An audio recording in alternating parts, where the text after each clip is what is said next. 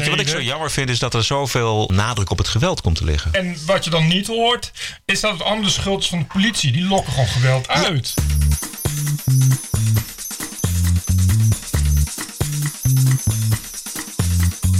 This is the TPO podcast. Ranting and Reason. With Bert Brussen and Roderick Phalo.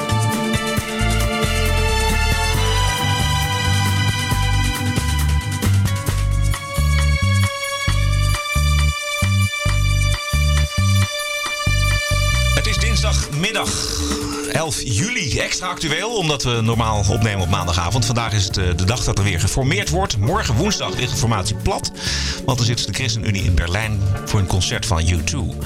En we hebben het eh, verder over polderjihadisten met heimwee. De schoolfoto jackpot die niet viel. Er gebeuren rare dingen bij Dagblad Trouw. En we horen de Canadese professor Jordan Peterson in zijn strijd tegen de totale gekte die ons land en de wereld bedreigt. Goedemiddag.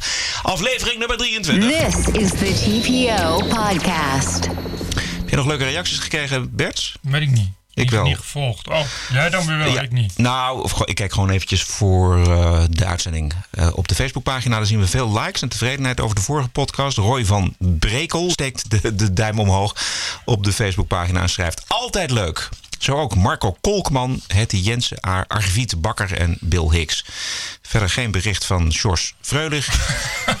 dus we kunnen door met aflevering 23. Weet je wat ik hoorde? Dat eh, een uniek talent van BNR krijgt een eh, babbelprogramma bij Radio 1. Dat zal dan wel die, eh, die gehoofddoekte zijn, want die is weg bij, bij BNR. En wie is dat dan? Fatima nog wat. Maar in elk geval, er zat zo'n meisje, dat zit er al 100 jaar. En dat is zo'n pro-hoofddoek moslima. Ja. En nou, die, is die is gestopt bij BNR. Want die werkte er al 100 jaar. Dus die mag nu waarschijnlijk dan. eh, die zal er wel bij de halve maan of zo. gaan- Dat programma is soort, eh, geskipt. Geïslamiseerd. oh, nou dan bij de NTR of een andere. televisie? eh, nee, Radio 1. De Iraakse stad Mosul is deze week officieel bevrijd van IS. En in Syrië staat IS-hoofdstad Raqqa opvallen. En dus willen Nederlandse jihadisten in het kalifaat terug naar moeder. Voor zover dat mogelijk is, even een paar vragen. Tweede belangrijkste vragen. Eén, moet de Nederlandse regering daarbij helpen? En twee, als ze terug zijn, met of zonder hulp, wat moet er dan met ze gebeuren? Bert, wat, wat, even om met vraag 1 te beginnen. Moet de Nederlandse regering helpen? Nee, en twee, als ze terug zijn, dan mag je ze gewoon weer terugsturen. Maar het beste laat je ze gewoon daar. En eh, weet je, eh, dan, ik vind echt, die Syriëgangers, daar heb je alleen maar, krijg je alleen maar problemen mee. Het is gewoon lekker toedelidoki. Jij ging weg, eh, je wilde een fijne, fijne, wilde je ongelovigen doodschieten en weet ik wat voor terreur je wilde plegen. Dan moet je vooral lekker daar blijven. Maar er zitten ook Nederlandse vrouwen en Nederlandse kinderen daar. Ja, daar moet hij dan ook dan lekker daar blijven. Ja? Ja, maar wie gaat nou met zijn, met, met zijn kind daarheen? Of Ja, dan die kunnen die kinderen toch niet helpen? Nee, ja, dan moet je niet als je zwanger bent eh, daarheen gaan. Of Ja, maar dan kun je die eh, kinderen toch niet helpen, eh, en als ze daar geboren zijn, dan krijgen ze maar lekker een Mozuls paspoort of een Syrisch paspoort.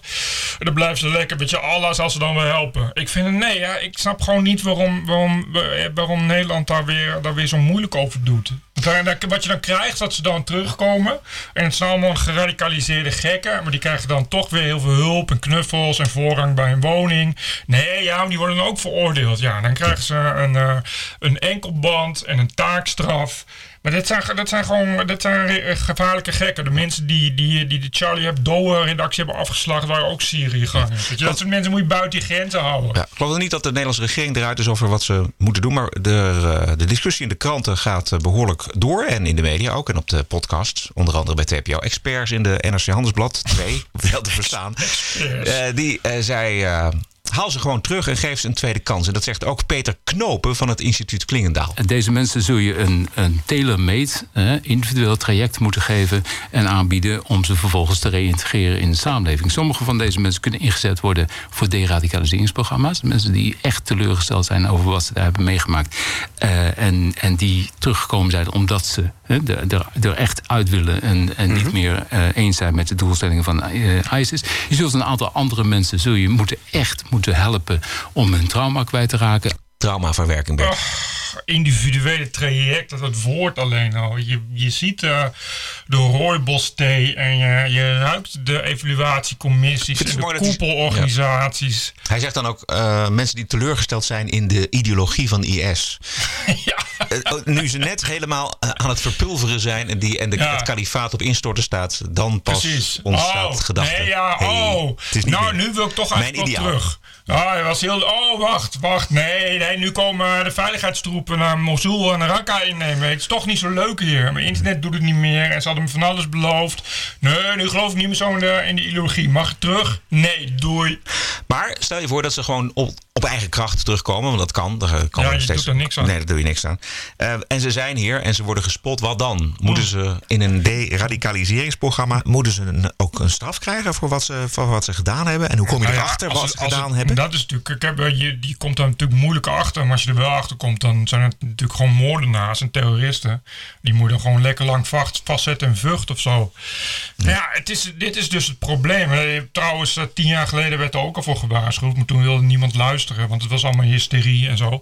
Eh, maar ja, dit is het probleem wat we gaan krijgen. De, dat is, er wordt nu ook al gewaarschuwd van, eh, van ja, nu ISIS in elkaar zat, nu, nu wordt het alleen nog maar erger. Want nu krijg je, nu krijg je alle teleurgestelde ISIS-fanaten gaan nu fijn terug naar huis. Dan moeder de vrouw. Eh, ehm, naar Nederland en Duitsland, want daar weten ze toch dat ze een uitkering krijgen. De verloren zonen die toch geradicaliseerd zijn, die zeg maar keihard zijn getraind om als, als kille moordenaar aan het front eh, met explosieven te werken. Ja. En, en, en zonder, eh, zonder probleem mensen dood te schieten. Die noemt Edwin Bakker dan doodleuk verloren zonen waar we nogmaals een keer de andere wang naartoe moeten keren. Nou is het zo dat waarschijnlijk het heel moeilijk te bewijzen valt wat deze mensen individueel allemaal gedaan hebben. Maar heb ik de afgelopen dagen mij enigszins verdiept in eh, de groepsdynamiek. dat er in Nederland de mogelijkheid is om eh, mensen te veroordelen eh, volgens eh, wetboekartikel nummer 166. En die gaat over groepsverantwoordelijkheid. En dat betekent dus als jij je aansluit bij een groep, kunnen ook hooligans ja, zijn ja. of, of, of, of antifa eh, mensen. Dus als jij daartoe behoort en eh, het, er valt niet te bewijzen dat je het ook daadwerkelijk eh, gemoord en verkracht hebt, dan eh, kun je nog ver- eh, verantwoordelijk worden gehouden voor de gehele groep, omdat je de groep Ja. niet hebt weerhouden van hun daden. Maar het punt is natuurlijk. ehm, kijk, Dus het kan wel. het kan wel, maar het punt is dat je die mensen die kunnen straffen, die krijgen dan een paar jaar. Weet Ja, je? En- vijf jaar. zo, ja. Het probleem is dat die mensen dus die zijn, dat zijn en je kun je wel, kun je wel eh, allerlei dingen eh, gaan wensdenken over deradicalisering. Maar dit zijn dus mensen die eh, willens en wetens hun hele bestaan hier hebben opgegeven met de dood in de ogen. En daar ook, eh, ook eh, eh, blij waren dat ze konden gaan sneuvelen. Hè. Dit, zijn, dit zijn mensen die echt de, het hiernamaals verkiezen boven het leven. Wat denk je, dat die mensen ineens braaf huisvader worden? Nee. En- maar kun, je een vergelijking maken met NSB'ers in de Tweede Wereldoorlog? Dus die, die, die gevochten hebben aan het Oostfront, die terugkeren, die, toch, die de Tweede Wereldoorlog overleefd hebben, die de bevrijding hebben meegemaakt. En, en ja, die kun je, die- ja, daar, moet je, daar moesten we ook iets mee. Ja, maar wat... Dus die kregen wat- een gevangenisstraf. Een enkeling werd gefuseerd, maar dat kan niet meer in Nederland. Oh. Dus, nee. Dus, dus nee, maar er moet, er moet iets met die mensen. Maar ik, ik kan me niet voorstellen dat het in 1947 zo was dat mensen dachten: oh leuk, een oud SS eh, Oostfront naast mijn deur. Ik ga eens even fijn eh, wat koosjere spullen halen voor, eh, voor mij eh, vanavond voor bij de Pesach. Nee, maar die mensen die, die werden dus of kregen de doodstraf, maar die hebben we dus niet meer in Nederland. Of ze kregen gevangenisstraf. Nee, ja, maar ja, die de drie zijn... van Breda, die hebben toch eh, jaren vastgezeten. Ja, die hebben heel lang vastgezeten. Maar eh, kijk, het punt is natuurlijk dat die mensen eh, waren wel geradicaliseerd door een, door, een, door een doctrine. Maar hier gaat het om een religie. Die mensen die, die terugkomen van, uit Syrië worden heus niet minder moslim. Dus dat is wachten tot er weer een prediker voorbij komt die tegen ze zegt van ja, luister eens, ik ben er wel teleurgesteld in het kalifaat. Maar het kalifaat komt hier. Bovendien, er zijn honderden miljoenen die stromen hier eh, elk jaar binnen vanaf Saoedi-Arabië om het wahhabisme te promoten.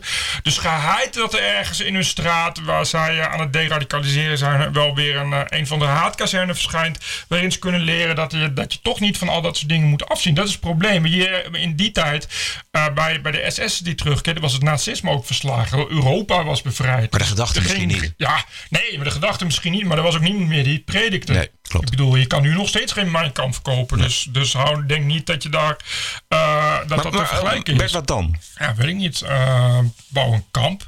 Of zet ze bij Edwin Bakker in de tuin. Met je bouw er een muur. Dat, misschien moeten we dat doen. Dat we dat soort mensen bij Pechtold en Edwin Bakker... en al dat soort trutten van eh instituut Klingendaal... daar bouwen we een, een apart kalifaat bouwen we dan op Madagaskar. Daar zetten we een hele hoge muur omheen. En dan gaan al die leuke knuffelaars... fijn met de verloren zoon een potje voetbal en deradicaliseren. Dat lijkt mij nou een goed idee. TPO Podcast.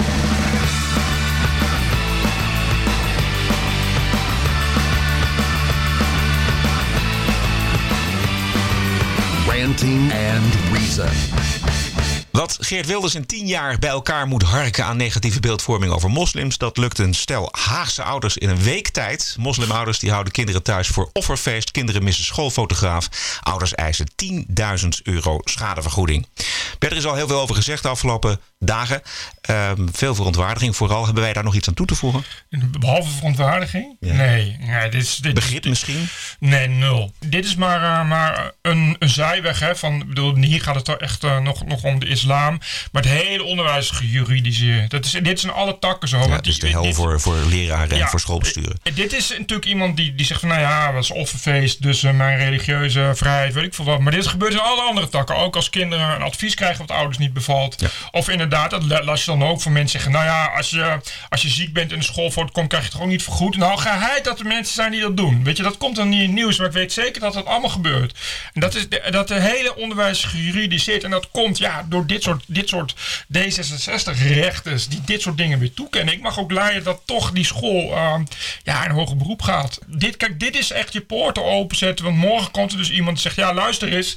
Ik, kom, eh, ik en mijn kinderen zijn geëmigreerd uit een hele speciale enclave diep in India. Met 360 feestdagen per jaar. Ik wil heel graag dat je daar. Hey, mijn kind wil graag ook een tulband ophouden bij de schoolfoto.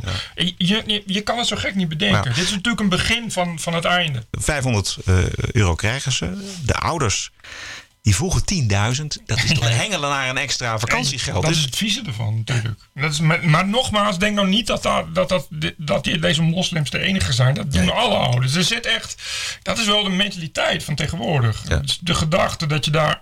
eh, ja, en kijk, zij hebben natuurlijk geweten van ja, weet je, dat, dat ligt lekker gevoelig. En als je dan maar kan aankomen dat je gediscrimineerd bent, dan haal je er ook nog wat uit.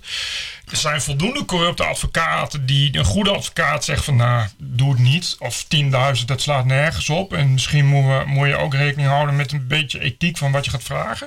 Weet je, wat, wat, wat betekent dit voor de toekomst? Mensen gaan ook tegen je aankijken. Eh, weet je, wat Ja. betekent dit voor school en zo? Maar Ja, er zijn voldoende advocaten die zeggen prima. Weet je, maak er een ton van wat mij betreft. Ja. Als, je, als, je, als er geld uit te halen valt, dan gaan ze dat proberen.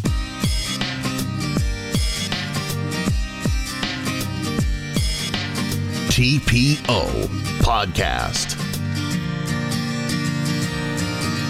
TPO-columniste en geestverwant Sietske Bergsma... die twitterde gisteren weer een mooie optreden van de, de Canadese professor Jordan Peterson... hoogleraar psychologie, gepassioneerd strijder tegen de postmoderne gekte... van de social justice warriors, identity politics en eh, politieke correcte censuur...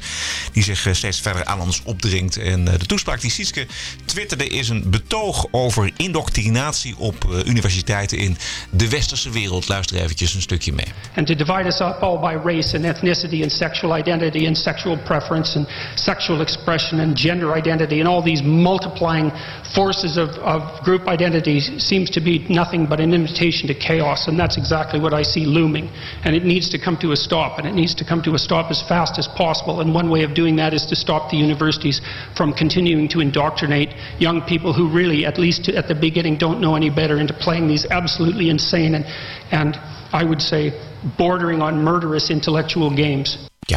Jordan Peterson is dit. Bert, je hebt ook gestudeerd filosofie. Ik heb politicologie gedaan. Ik heb eh, gestudeerd aan de UvA, Universiteit van Amsterdam. Dat was eh, in de jaren tachtig nog een echt een, een marxistisch bolwerk. Eh, ik ken die indoctrinatie waar eh, Peterson het over heeft. Ja, maar was het toen ook al zoals nu? Want nu gaat het ook over dus eh, gendergelijkheid en Nee, toen, Maar je had toen, daar ging het toen niet over. je had toen bijvoorbeeld nog geen diversity officer. Nee, dat klopt. shit. Dat marxisme dat is een, een vorm van indoctrinatie en van gelijk hebben en Absoluut. gelijk wensen krijgen, Absoluut. afdwingen. Eh, die dwang, die heb ik wel gevoeld op de universiteit. Heb jij dat, heb jij dat bij filosofie ook gemerkt? Nee, ik moet, terwijl dat wel eh, Nijmegen is, wat toch een hele Ja. rode stad is. Maar ik moet zeggen dat ik daar helemaal niet ik, helemaal nee, zo voelde ik het helemaal niet. Maar dat heeft ook misschien wel te maken dat dat filosofie was toch wel een beetje beyond of zo. Een beetje vrijer. Kijk, de UvA is natuurlijk altijd heel erg daarin geweest. Ja. Dus, dus, en, de, de, de- en ik weet bijvoorbeeld dat in Nijmegen politicologie zat gewoon bij managementwetenschap. En dat was nou, helemaal niet echt heel links of zo. Nou, ik heb was, nooit... eh, dat was het in, in Amsterdam wel, want wij kregen als eerstejaars bijvoorbeeld echt ehm, ontraden om colleges te volgen bij eh, professor Doud. En professor Doud die was echt verkeerde mening. Totaal verkeerde mening. Waarom? Omdat hij een sociaal-democraat was. En sociaal-democraten die waren rechts. Oh ja. Eh, dus je moest echt. Ja. eh, ja, en wij, wij moesten voor ieder werkstuk moesten wij eh, de, de klassenstrijd als theoretisch kader invoeren. Dus wij werden echt van bovenaf echt. Ja, Eh, ja, werd het weet- erin gepompt, gewoon, dat marxisme. Meindert Venema, hij is natuurlijk, uh, natuurlijk emeriet eh, hoogleraar, of is nog hoogleraar, weet ik niet. ook politicologie aan, aan de UvA. Die heeft daar hele smakelijke stukken over Ja, geschreven. ja, goed Toch boek. wel echt, eh, ja, dat was serieus, serieus marxisme, ook onder docenten inderdaad. En dat ging soms heel ver. Ja. En, eh, Maar dat marxisme dat heeft er sinds de jaren 60, 70, in ieder geval eh, richting 80, 90 en tot vandaag heeft dat eh, zijn invloed gehad op eh, universiteiten. En daar heeft Peterson het ook over. En hij pleit daarvoor om een aantal studies om die reden gewoon af te schaffen. These things can turn around fast. And one of the ways that they'll turn around is that if people just stop taking the courses. So, um, as I said already, women's studies and all the ethnic studies and racial studies groups, man, those things have to go. And that faster they go, the better. Uh, sociology, that's corrupt. Anthropology.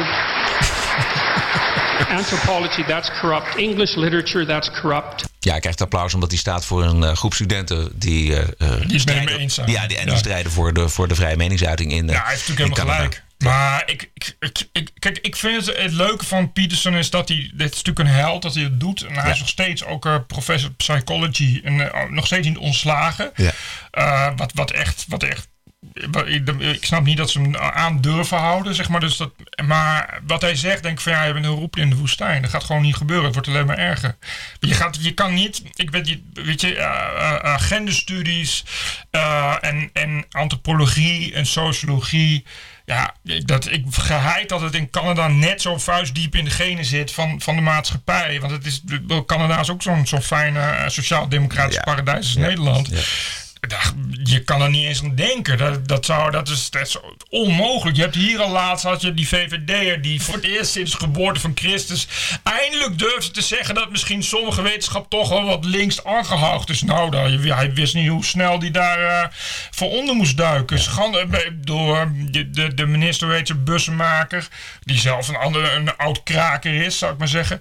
Eh, die wist niet hoe snel ze moest zeggen. Nee, daar, daar blijkt helemaal niks van. Terwijl ik dacht, hoe kun je dat nou zeggen? Als er nou iets links is in Nederland, zijn het wel sociale wetenschap en gedragswetenschap. Je hoeft daar echt niet, daar hoef je toch niet heel raar over te doen. Dat weet toch iedereen. Maar dat is ge- geen haar op iemands hoofd die eraan denkt om dat af te schaffen. Maar jij zegt een roepen in de woestijn. Is, is dat applaus dan niet, niet hoopgevend? Nee, tuurlijk. eh, het is een, eh, een eh, woestijn met een oase waar ook gelijkgestemden wonen. Maar ik heb, nog niet, ik heb nog niet gezien dat het beter is. Eh, ik- volgens mij in, Canada wordt het alleen maar erger. Er worden ook in een vrij hoog tempo, in, in relatieve stilte, ook allemaal hele enge wetten steeds doorgevoerd. Waar Peterson ook al, al steeds voor waarschuwt. Eh, en ik zie het in Nederland ook niet minder worden. Ik zag eh, van de week las ik een interview met de baas hier van de Universiteit van Amsterdam. Nou ja, je ballen rollen gewoon spontaan uit je broek. Je leden ging alleen maar over dat we diverser moeten worden. En dat we ons bewuster moeten zijn van de slavernij. En dat is de baas. Dat is dat de bestuursvoorzitter, weet ik veel wat. Het is politiek, en- weet je wel. Het, is, het heeft niks met wetenschap te maken. Het is ja, gewoon politiek helemaal 0,0. doordrukken. Maar dan, eh, als soms zo iemand ook nog zegt van... nou ja, we hebben, we hebben veel druk gehad, dus we, we zijn ermee bezig. Maar zo iemand zegt van... nee hoor, we moeten echt, echt, echt eh, onszelf schamen. En eh, verschrikkelijk hoe erg we dat wel niet hebben gedaan. En, eh, de- en we gaan allemaal programma's... zodat nog, nog meer negers, nog meer eh anders genderen. En eh, de- je, je krijgt ook gaandeweg dat interview... krijg ik ook echt het idee van... ja, ik heb niet het idee dat het überhaupt nog om wetenschap gaat... maar dat je echt bezig bent om dat bewust te creëren. Peterson heeft het er precies hier ook over. Voor degene die hem kent en voor degene die hem niet kent, die moet echt even. Kan onder andere via tepio.nl. Ja. Kom je er wel achter. De filmpjes op YouTube zijn, zijn voorradig. Maar hij, eh, Peterson heeft het onder andere over dit waar Bert het er net over heeft, namelijk over de uitkomst die gelijk moet zijn. Niet meer de gelijke kansen, maar de Nee. uitkomst moet gelijk zijn. Een beter voorbeeld van opgelegde gelijkheid kun je niet bedenken. Dat is dus natuurlijk wat er gaande is. Ik las ook eh, dat bijvoorbeeld in, in Engeland, en dankzij die, die Corbyn, ook mensen die zeggen van ja, er is toch wel een eh, wind of change gaande en zo. En marxisme is helemaal terug. Eh, en, en weet je wat? En ik, ik, ik, ik, ik vind het echt verbijsterend. Dat je, ik, ik weet niet. Eh, eh, hebben die mensen lezen die nooit de geschiedenisboeken of zo? Ja. En het, is, het wordt steeds erger. En ik vind het heel raar dat er eh, dat alleen Peterson er is. En dat je het in Nederland ook moet zoeken in de hoek van Baudet. En geen stijl en weet ik veel wat. Dat kennelijk niemand zich daar zorgen over maakt. Ik las nu ook al dat er. ehm, in de VS en in Engeland en in een andere land, Brazilië, ook al sensitivity readers. Dan ga je een boek schrijven. eh, en eh, als je dan eh, geen neger bent en schrijft over negers, dan is dat kwetsend. En dan heb je dus, je kan je dus je manuscript laten lezen door sensitivity readers. Ja, je gaat het. En die zeggen dan ja, dit zijn voordelen en dit is stigmatiseren en dit is kwetsend. Ik zou er aanpassen. Ja. En ik dacht, nou, ik heb als je eh, in 1984 die hoofdpersoon, die is werkzaam op het, eh, op het bureau van archiefherziening. Die gaat met terugwerkende kracht, eh, leest die kranten en past die koppen aan die niet meer in de huidige nieuwspraak passen. En ik dacht, nou, dat is, dat is dus wat je doet. Dit is gewoon, dit is gewoon good old censuur die nu, die nu wordt gebracht op een manier die nu gewoon alom wordt gedragen. Ja. Wat En doen we er is- tegen, Bert? Want dit is, eh, ik krijg het benauwd ervan. Nee, ik krijg er heel benauwd van. Maar ik vind.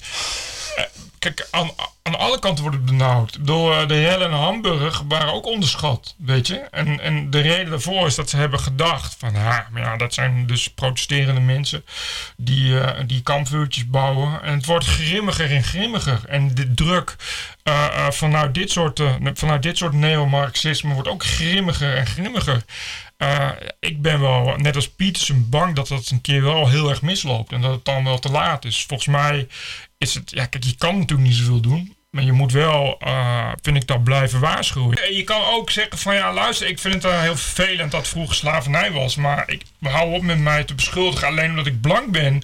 Dat dan die zonde kennelijk via mijn huidskleur wordt overgeërfd en zo. Want dat is niet zo. En dat wil ik ook niet. En ik ben er wel, ik vind het wel beledigend. Dat kun je ook wel gewoon zeggen. Laat je niet intimideren door dat soort linkse klootzakken. And now for something completely different. TPO Podcast. Bij Trouw vertrekken columnisten die kritisch staan tegenover vluchtelingen. Wij noemen er twee. Johan ten Hove, die vertrekt eh, niet vrijwillig volgens mij. En Heren Heresma junior, die heeft eh, een nieuwe liefde, namelijk filmen. En die houdt ook met eh, het schrijven van columns in Trouw op. Is hier een zuivering gaande? Nou ja, dat is zeker een zuivering. Ze mogen nog blij zijn dat ze niet naar de gulag hoeven.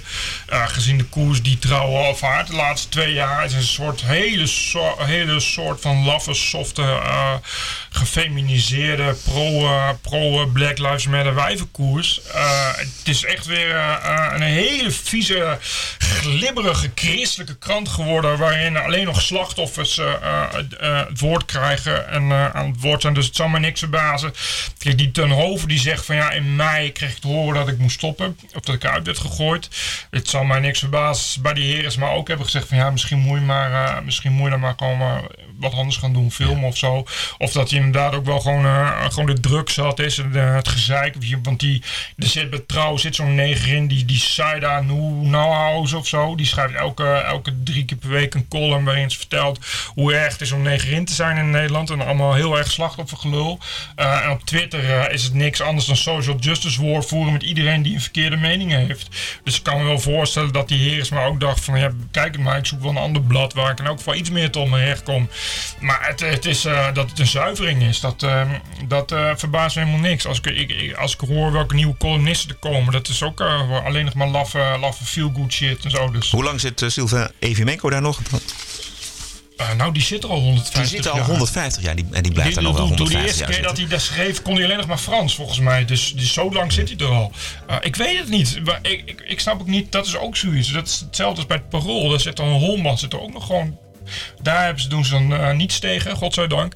Uh, en tegen e Evimenko ook niet. Maar dat heeft misschien ook wat te maken dat Evimenko... Ik weet niet, die ten Hoven wie dat was. Daar had ik nog nooit van gehoord. Hoe lang hij er al zit. Maar die Evimenko is natuurlijk zo'n bekend trouwgeluid. Dat je die ook niet weg wil hebben. Dan kun je toch... En het is natuurlijk het voordeel van het soort krant. Is dat je altijd... Dat doen ze ook altijd. De wijs op. Oh, oh, we hebben ook Evimenko. Dat is bij het Parool ook. Als je zegt, jezus, van een linkse laffe kutkrant. Oh, oh we, hebben, we hebben Theodor Holman. Dus het is natuurlijk ook, ook, ook een, uh, een stukje wisselgeld. Wat je dan nog in je achterzak hebt. Dit was aflevering nummer 23. De TPO-podcast is iedere week te vinden op Facebook, op Soundcloud, YouTube, iTunes en op de TPO-website. Dinsdag beschikbaar. Reageer op lof of laster kan graag op onze Facebookpagina. Een hele mooie week en graag tot de volgende. Ja, jij ook, Joshua Liefstroop. TPO Podcast. Bert Brussen, Roderick Balo. Ranting and Reason. Schrijf mij maar van je pagina.